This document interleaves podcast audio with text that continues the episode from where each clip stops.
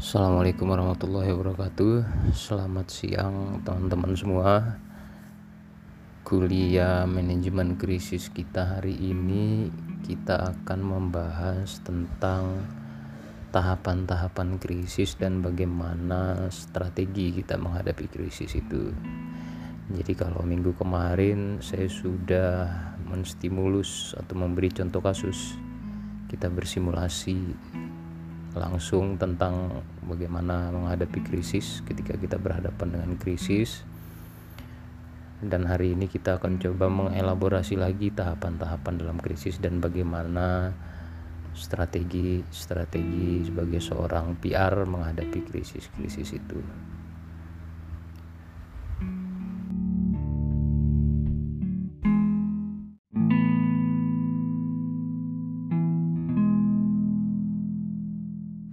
Oke, baik. Jadi kalau kita bicara krisis, krisis itu sebenarnya seperti sebuah siklus. Jadi dia ada masa pasti kita mengalami krisis dan ada masa kita tidak mengalami krisis. Nah, tahapan-tahapan dalam krisis itu itu yang dia bergerak seperti sebuah siklus. Jadi ada tahapan awal, ada tahapan yang dia mulai memuncak dan nanti ada pasca krisis bagaimana cepat atau lambatnya penanganan krisis atau tahapan-tahapan itu berlangsung itu sangat bergantung pada seberapa efisien dan seberapa efektif manajemen kita dalam menghadapi krisis itu. Jadi krisis itu dia bisa besar, dia bisa masif atau potensi dari krisis itu bisa kita redam di awal itu sangat bergantung bagaimana bergantung dari bagaimana cara kita manage. Jadi tidak ada itu sebenarnya kalau kita bilang krisis itu datang tiba-tiba. Karena krisis ini tidak bergerak secara spontan. Dia pasti ada gejala. Dia pasti diawali dengan gejala yang kadang-kadang itu tidak bisa kita deteksi atau kita lihat sejak awal. Jadi perusahaan itu kadang-kadang lemahnya di situ. Dia tidak bisa mendeteksi melihat dari awal bahwa oh ini potensi krisis ini jadi ada cenderung cenderung mengabaikan ya. Kalaupun dia melihat dia mengabaikan gitu. Nah di sini bahayanya kalau kalau kita tidak cukup peka dalam membaca situasi mana hal-hal yang berpotensi menjadi krisis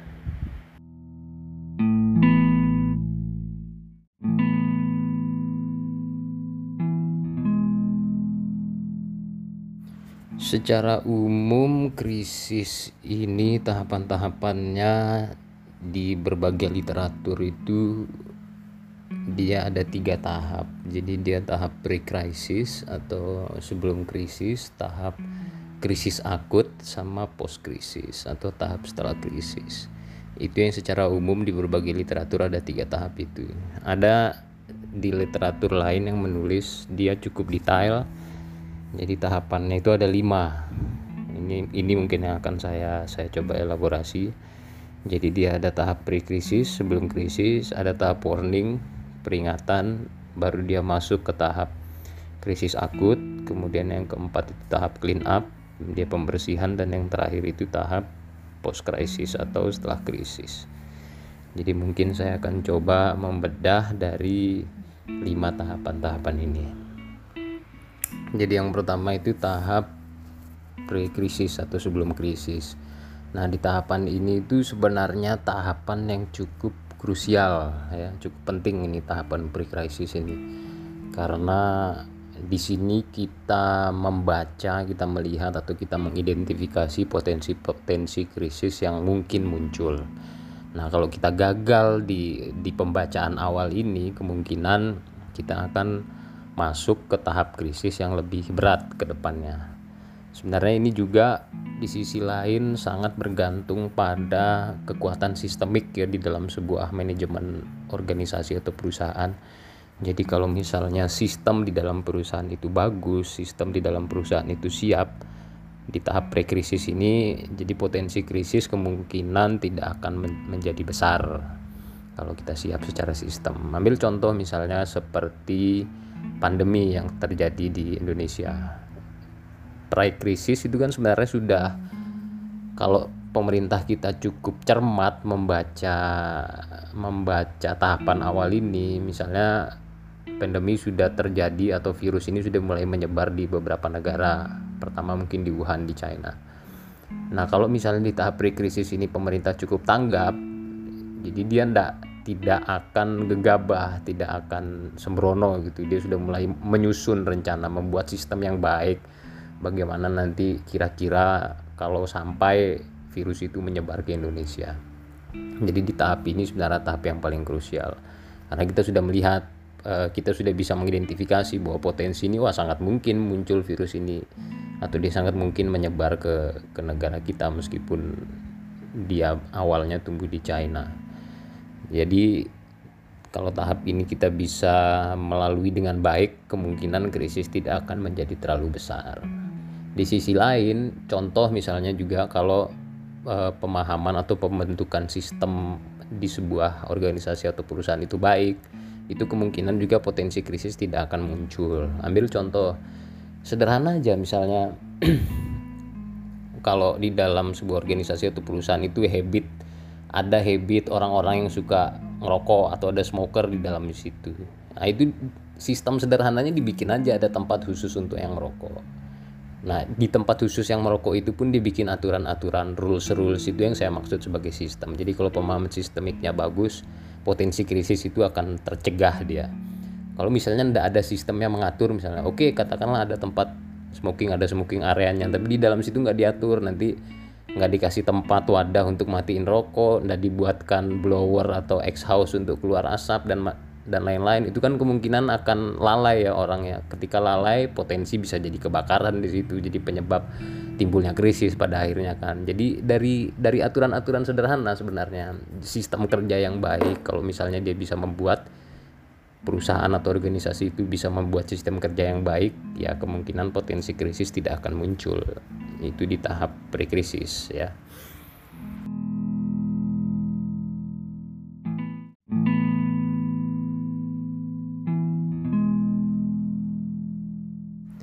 Kemudian di tahap warning atau peringatan. Nah ini tahap berikutnya nih kalau kita teledor membaca atau mengidentifikasi langkah awal di pre-krisis tadi sebelum krisis tadi maka dia akan masuk kepada tahap peringatan. Ambil contoh lagi misalnya kalau kita meneruskan contoh sebelumnya pandemi misalnya ketika dia sudah menyerang atau menyebar di China terus kita gagal melakukan antisipasi di awal ya akhirnya ada kasus pertama kan terjadi di Indonesia nah ketika kasus pertama itu terjadi ya itu sudah masuknya level warning ini lebih krusial lagi gitu loh kalau kita gagal membuat keputusan-keputusan yang semakin tegas, semakin tepat. Warning ini kalau diabaikan ini sangat berpotensi untuk masuk ke tahap krisis akut. Jadi salah satu salah satu langkah krusial juga. Jadi dua langkah awal ini sebenarnya dua langkah awal yang sangat penting untuk kita mencegah supaya krisis itu tidak terus besar berkembang dan masuk ke level-level berikutnya. Jadi tahap pre-krisis dan tahap warning ini sebenarnya dua tahap awal yang sangat menjadi kunci ya di dalam keputusan atau kebijakan yang diambil di dalam sebuah organisasi atau perusahaan. Karena kalau kita gagal ya dia akan berpotensi besar krisisnya meledak dia. Lalu kenapa sampai krisis ini bisa bergerak dari tahap pre-krisis warning menuju ke tahap akut? Nah, biasanya ada sangat banyak faktor ya. Tapi kalau saya simpulkan dari berbagai literasi itu ada empat faktor atau empat alasan yang menonjol. Kenapa bisa krisis itu bergerak dari tahap pre-krisis dan tahap warning itu ke tahap akut? Itu ada empat alasan yang menonjol. Pertama, biasanya perusahaan atau organisasi itu meremehkan jadi ada underestimate dia dia suka teledor ini ya sifatnya manusia ya tempatnya lalai dan lupa tempatnya salah dan lupa jadi ada cenderung kita meremehkan uh, potensi-potensi krisis tadi. Kemudian yang kedua kita ini overestimate atau terlalu percaya diri overconfident terhadap kemampuan kita untuk mengelola atau menangani krisis. Jadi kita tidak bisa terlalu menganggap remeh, tapi kita juga tidak bisa terlalu percaya diri. Karena kita belum bisa tahu secara jelas nih krisisnya seperti apa. Jadi kalau kita lalai ya salah, kalau kita terlalu over ya kita juga salah. Jadi kita tidak bisa juga terlalu pede dengan kemampuan perusahaan atau organisasi kita dalam menangani krisis karena bisa jadi krisis itu ternyata kemampuannya lebih besar dari kemampuan kita. Kemudian yang ketiga itu kita biasanya tidak menyadari ada krisis yang berkembang. Jadi ini benar-benar level teledor akut deh kalau udah ini. Jadi sudah ada tahap pre-krisis, sudah ada warning tapi kita masih belum sadar juga bahwa krisis itu ada. Ini ini sudah cenderung ke tidak peduli, tidak punya kepekaan dan masa bodoh jatuhnya. Itu yang faktor ketiga atau alasan ketiga. Terus yang keempat, ada kesengajaan kita mengabaikan dari warning tadi. Jadi potensi-potensi krisisnya terbaca jelas ada kita sengaja mengabaikan warning-warning itu tadi. Jadi empat, empat alasan ini yang membuat akhirnya krisis itu bergerak dia dari tahap pre-krisis, tahap warning kepada tahap krisis akut.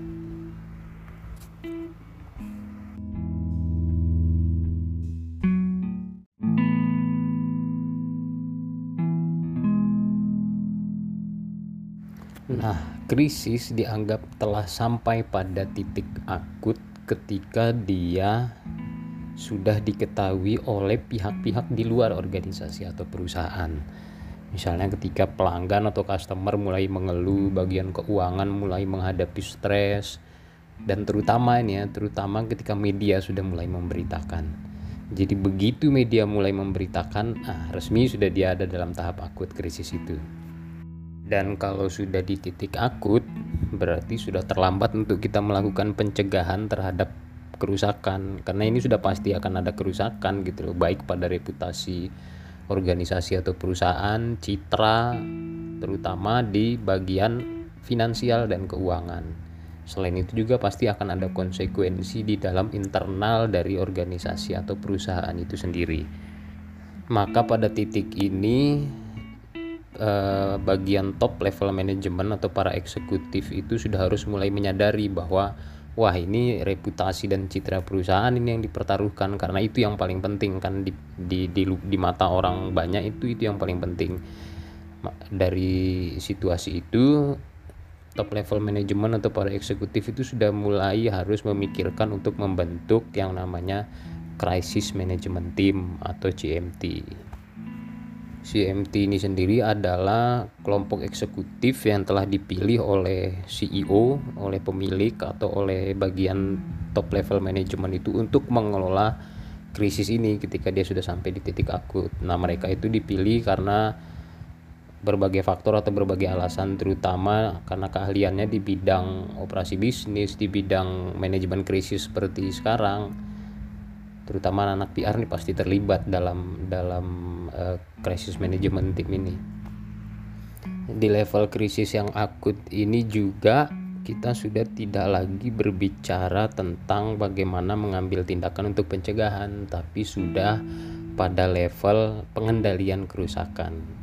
Karena otomatis sudah kalau sudah di level akut itu pasti ada kerusakan. Nah tinggal bagaimana kerusakan ini dikendalikan supaya kerusakannya itu bisa seminimalisir mungkin dan kita mencegah terjadinya kerusakan lebih lanjut. Dan langkah-langkah yang harus diambil oleh oleh CMT yang sudah dibentuk ini tadi adalah dia harus bisa menangani situasi ini secepatnya.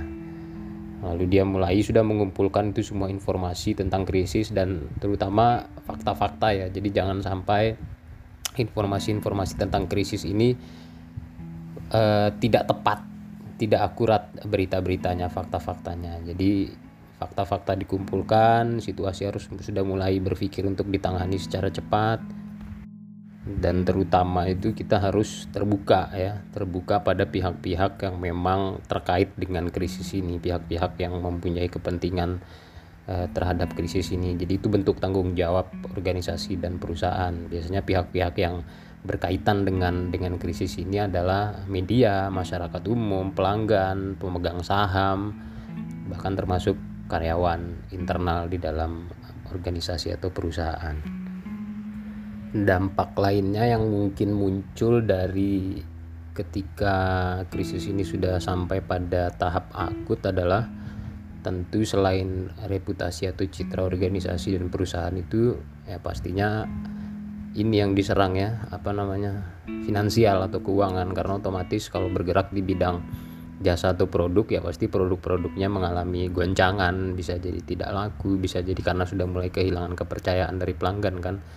Jadi otomatis itu juga berefek pada pendapatan atau income.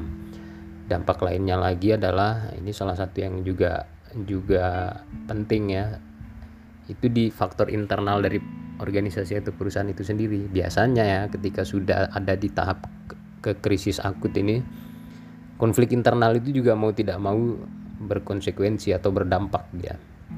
Jadi orang sudah mulai ada konflik di dalam di dalam organisasi atau perusahaan itu sendiri sudah mulai kehilangan kepercayaan antara antara karyawan yang satu dengan karyawan yang lain dan terutama yang paling yang paling menonjol adalah nantinya itu berkaitan dengan loyalitas atau kesetiaan karyawan-karyawannya pada organisasi atau perusahaan. Jadi eh, loyalitas anggota-anggotanya di dalam organisasi atau perusahaan itu pasti juga mengalami goncangan karena wah sudah merasa diri tidak aman gitu ya berada di rumah atau di tempat yang mengalami guncangan, krisis atau konflik ibaratnya dalam sebuah hubungan itu kalau sudah di antara satu sama lain tidak ada lagi kepercayaan karena konflik-konflik yang ada.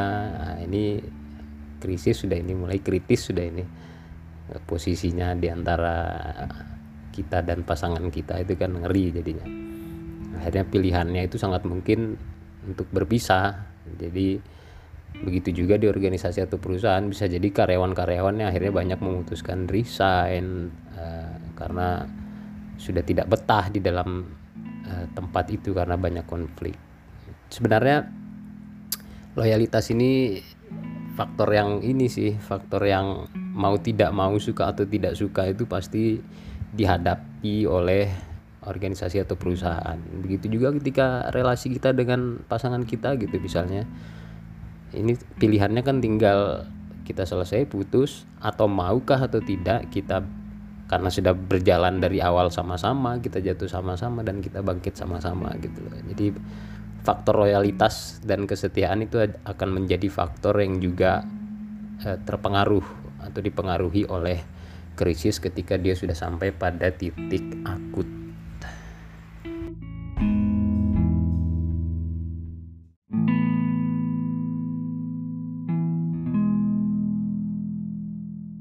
Kemudian tahapan krisis berikutnya adalah tahapan clean up atau pembersihan. Nah, di titik atau di tahap ini orientasi dari organisasi atau perusahaan itu sudah mulai berpikir untuk menyelamatkan apa-apa yang masih bisa diselamatkan entah itu reputasi, citra perusahaan, kinerja, lini-lini produksi dari perusahaan atau organisasi itu Nah, jadi biasanya di di tahap clean up ini perusahaan atau organisasi akan berhadapan dengan hal-hal yang berkaitan dengan hukum, media. Nah, ini masih berkaitan dengan media karena terus harus terus mengcounter ya, membuat counter isu yang cerdas, yang baik, yang tepat. Kemudian akan berhadapan juga dengan tekanan publik dan litigasi dari dari krisis itu sendiri. Nah, cuman hikmah yang bisa diambil di tahap clean up ini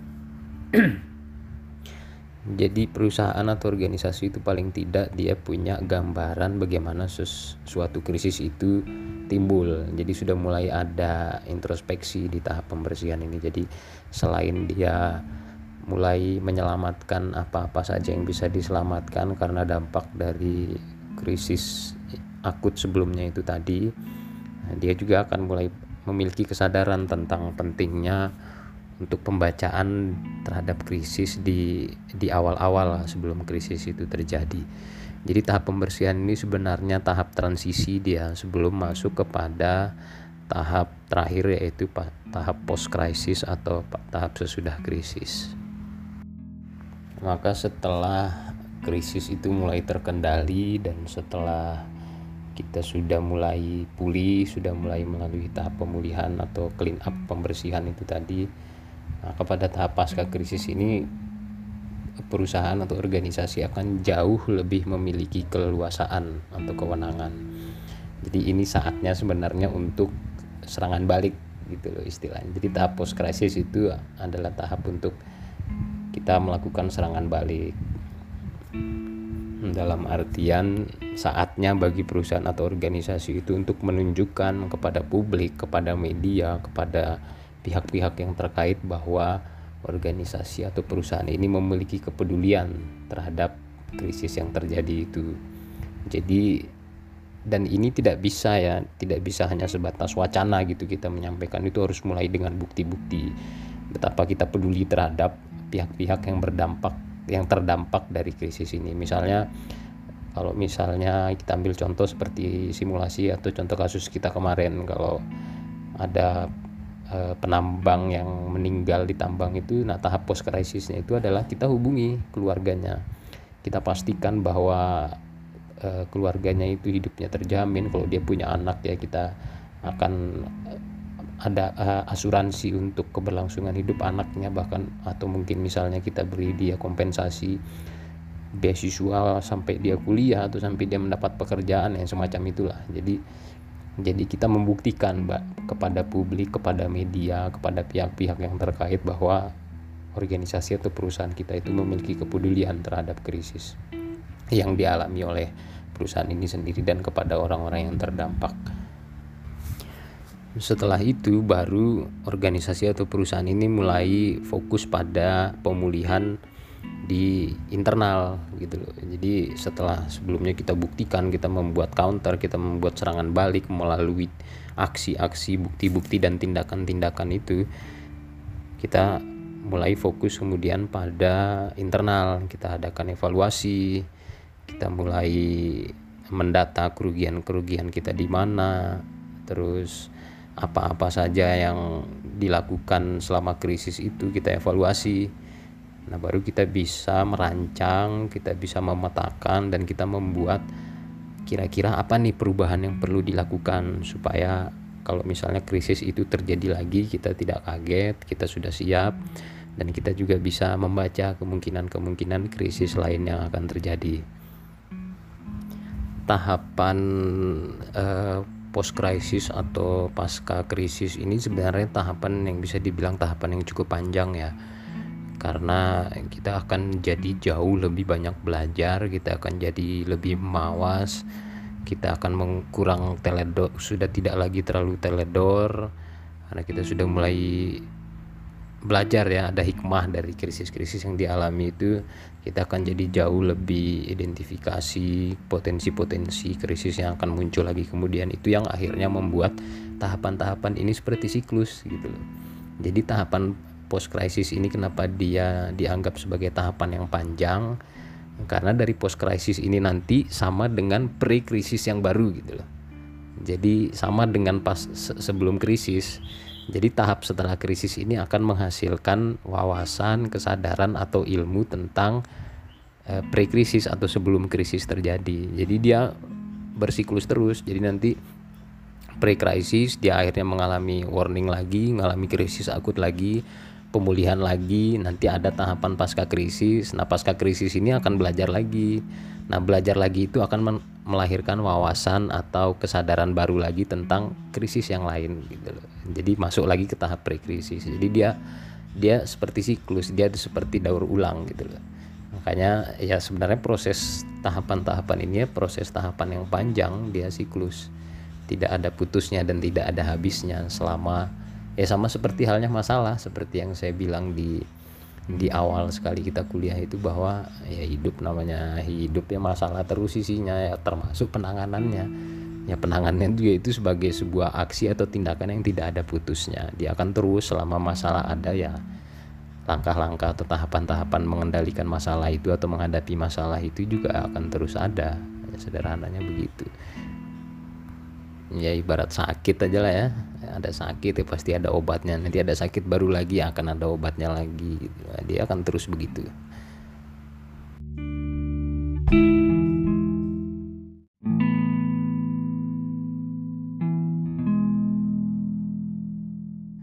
Oke, setelah tadi kita sudah mengelaborasi tahapan-tahapan dalam sebuah krisis, maka kita akan berbicara tentang strategi, kiat-kiat apa saja yang yang bisa kita lakukan dalam merespon atau menghadapi krisis.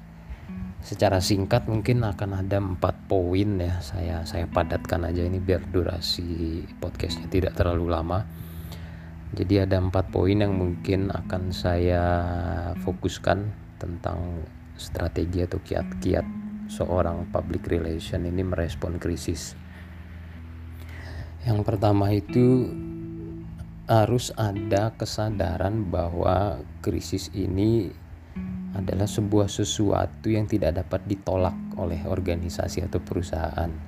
Jadi krisis itu hidup dan akan terus berkembang seiring dengan lajunya atau berkembangnya organisasi dan komunikasi di dalam organisasi itu sendiri. Jadi ketika krisis muncul, maka dengan sendirinya akan ada peluang dari bagaimana kita memanage krisis tersebut supaya dia menjadi lebih terkendali dan tidak hanya membawa kerusakan tapi juga dia bisa menjadi poin atau titik balik untuk kita jadi lebih baik gitu.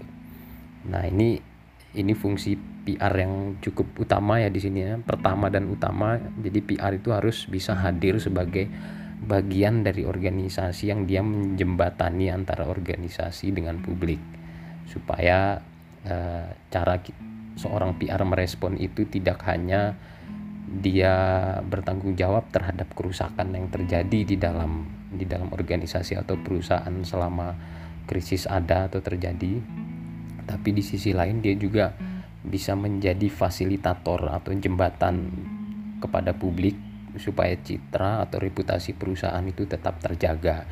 Jadi minimal seimbang lah ya antara kerusakan dengan dengan uh, efek baik yang timbul setelah krisis. Jadi jadi jangan kita fokus pada kerusakannya saja, tapi juga kita bisa harus memanfaatkan krisis ini sebagai titik balik gitu bahwa ada hal baik yang bisa kita dapat dari sini.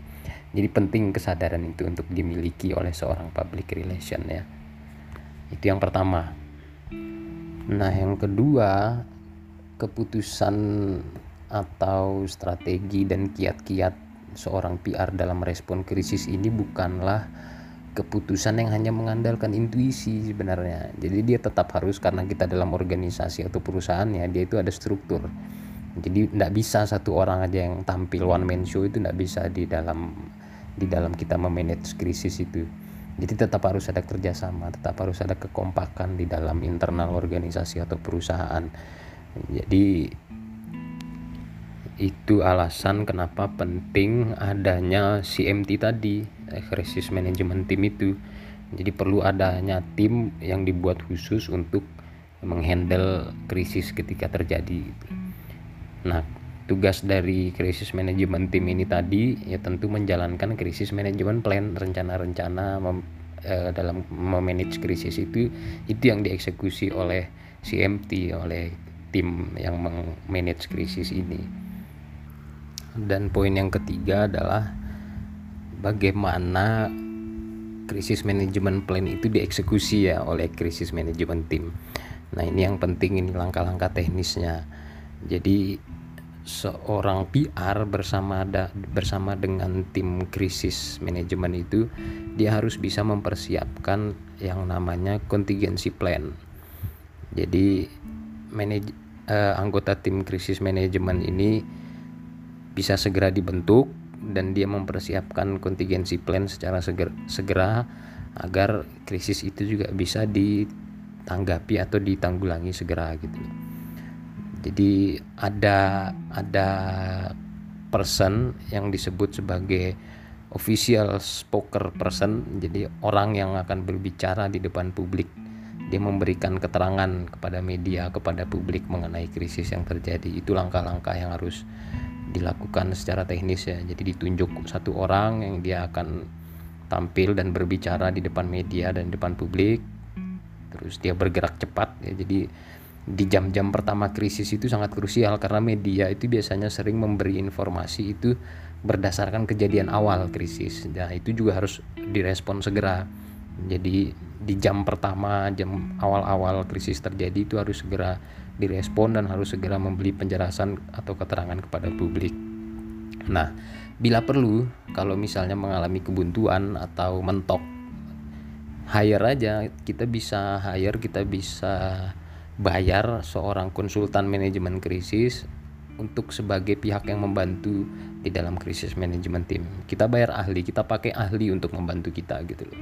Kalau misalnya kita mengalami kebuntuan atau mentok dalam kita menghandle krisis ini tidak masalah. Kita cari aja orang yang benar-benar ahli untuk membantu tim kita, membantu krisis manajemen tim kita itu tadi.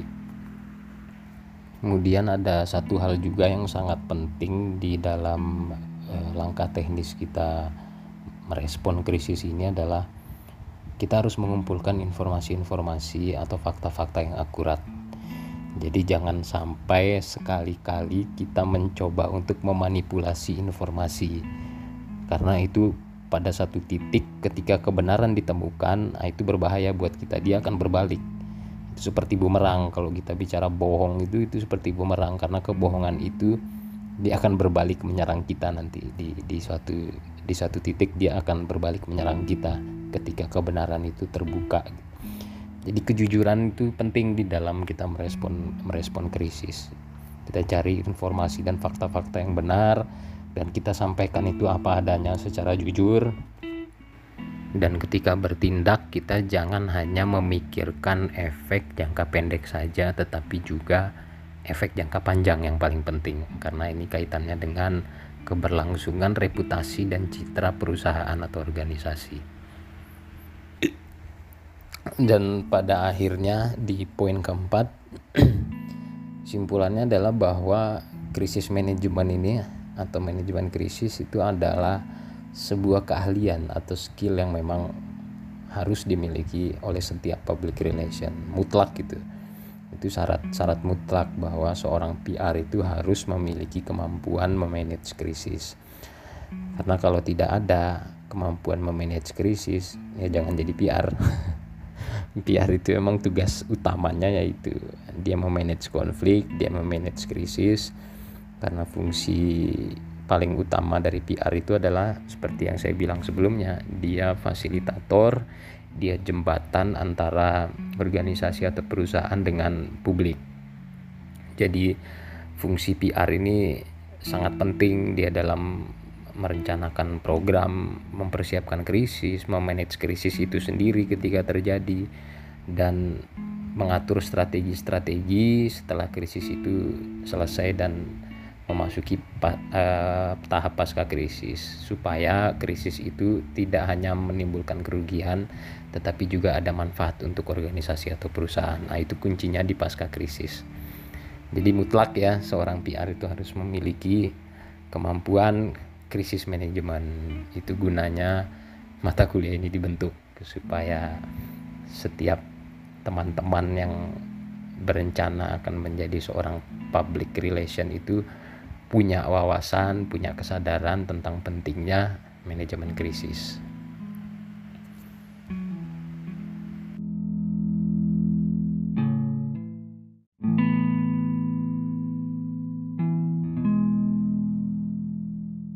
Oke baik, saya rasa itulah ya teman-teman eh, kuliah sharing dan eh, diskusi kita hari ini. Semoga bermanfaat. Semoga ini cukup padat sih. Ini cukup padat dan cukup banyak yang yang kita elaborasi hari ini. Tapi ya semoga itu semua bisa diterima dengan baik oleh teman-teman bisa masuk dan menyerap ke dalam pikiran-pikirannya teman-teman dan tentu ya berguna di masa depan untuk teman-teman. Tetap jaga kesehatan untuk teman-teman apalagi yang mau KKN nih.